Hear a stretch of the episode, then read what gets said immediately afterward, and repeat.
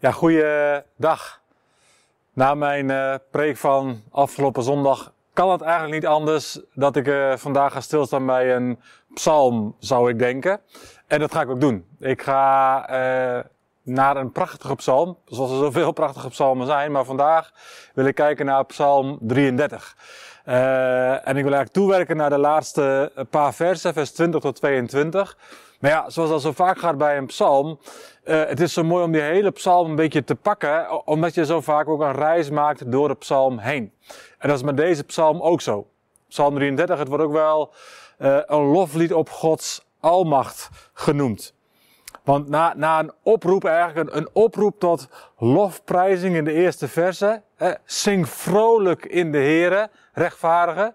Dus als mensen wel zeggen van joh, ja die baptisten dat zijn van die happy clappy uh, christenen. Nou, daar is bijbels gezien helemaal niks mis mee. Zing vrolijk in de Here als je een rechtvaardige bent. Dus dat mag, en dat mag voluit, en dat mag zeker ook vrolijk.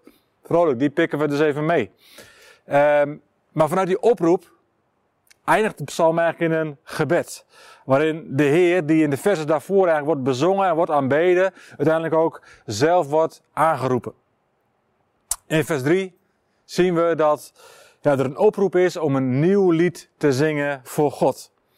En dat vind ik in zichzelf iets heel moois. Want dat, dat impliceert ook hè, dat dat verlossende handelen van God, wat in deze psalm ook heel concreet beschreven wordt in zijn opstreden als schepper, als soevereine God, als verlosser.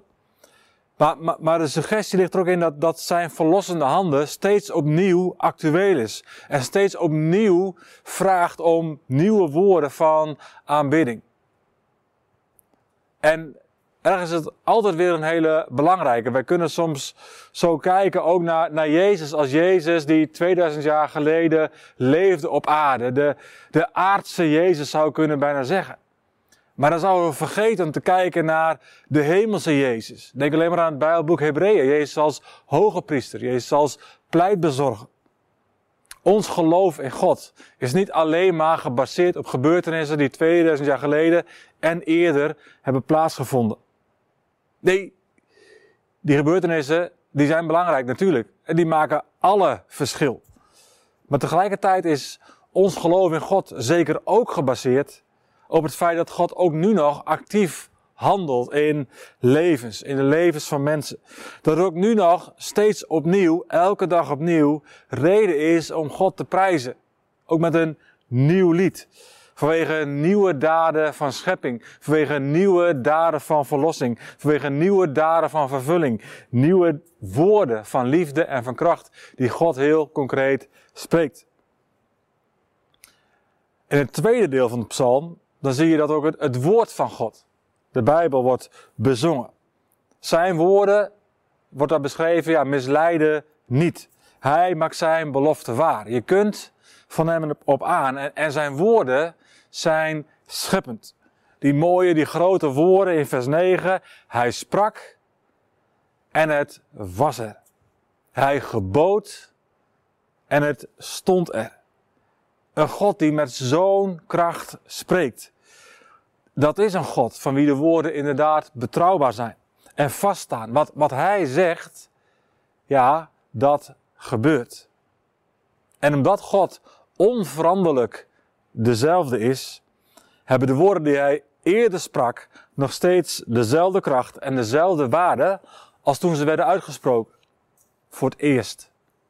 Woorden zijn krachtig. Gods woorden behouden hun kracht. En niet alleen de woorden die God sprak, de woorden die God nog steeds spreekt, maar ook de woorden die we zelf spreken. Ze hebben kracht. Woorden die je spreekt kunnen in de relaties met de mensen om je heen, kunnen ze maken, en ze kunnen ze breken. De bekende versie hierover vinden we in Spreuken 18, vers 20 en 21. En dan lezen we, als een mens iets goeds zegt, dan heeft hij een gevoel van welbehagen. Dan voedt hij zichzelf met de vruchten van zijn mond. Het is ook positieve woorden spreken, is ook goed voor jezelf. Want, vers 21, woorden, ze hebben macht over leven en dood. En wie zijn tong koestert, pluk daarvan de vruchten. Woorden hebben macht over leven en dood. Zo sterk is de kracht van woorden. God sprak en het was er. Maar soms is het ook jij en ik spreken en er is iets. Of er is iets stuk gemaakt door onze woorden. Of er is iets tot leven gekomen door onze woorden. En natuurlijk is het dan goed om ook even die vraag te stellen. Maar hoe spreek jij in zijn algemeenheid? Laten je woorden woorden van leven zijn. En dan komen we zo door de psalm heen bij de laatste versen. Natuurlijk valt er veel meer te zeggen over zo'n psalm, zoals over alle psalmen. Maar vers 20 tot 22. In de, in de Willibrod vertaling staat het als volgt. Vol vertrouwen zien wij uit naar de Heer. Hij is ons schild. Hij is onze helper.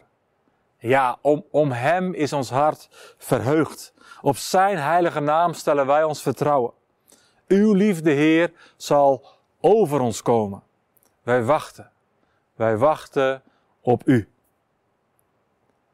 Ik vind dat prachtige versen. De gemeenschap, ja, zingt het uit. En, beantwoordt eigenlijk ook zo de, oproep waar het psalm mee begon. De oproep om God te aanbidden. Lof te prijzen ook met een nieuw lied. Vol vertrouwen, zeggen ze hier. Zien we uit naar de Heer. Of in andere vertalen, onze ziel. Onze ziel verwacht de Heer. Vertrouwen, verwachting. Dat spreekt ergens ook over een, een open houding naar God toe. Geloof en verwacht dat God ook hier en nu, ook vandaag, een handelende God is. Niet een God van veraf, niet een God van toen en ooit. Nee, een God van hier en nu. En ook een God van dichtbij. Want zoals het vers vervolgt, Hij is onze schild. Hij is onze helper. Om Hem is ons hart verblijd. Op Zijn heilige naam stellen wij ons vertrouwen. Om Hem is ons hart verheugd. Ken je dat? Ervaar je dat in je leven, dat je hart dat ook vreugde is vanwege Hem, om Hem. Oh.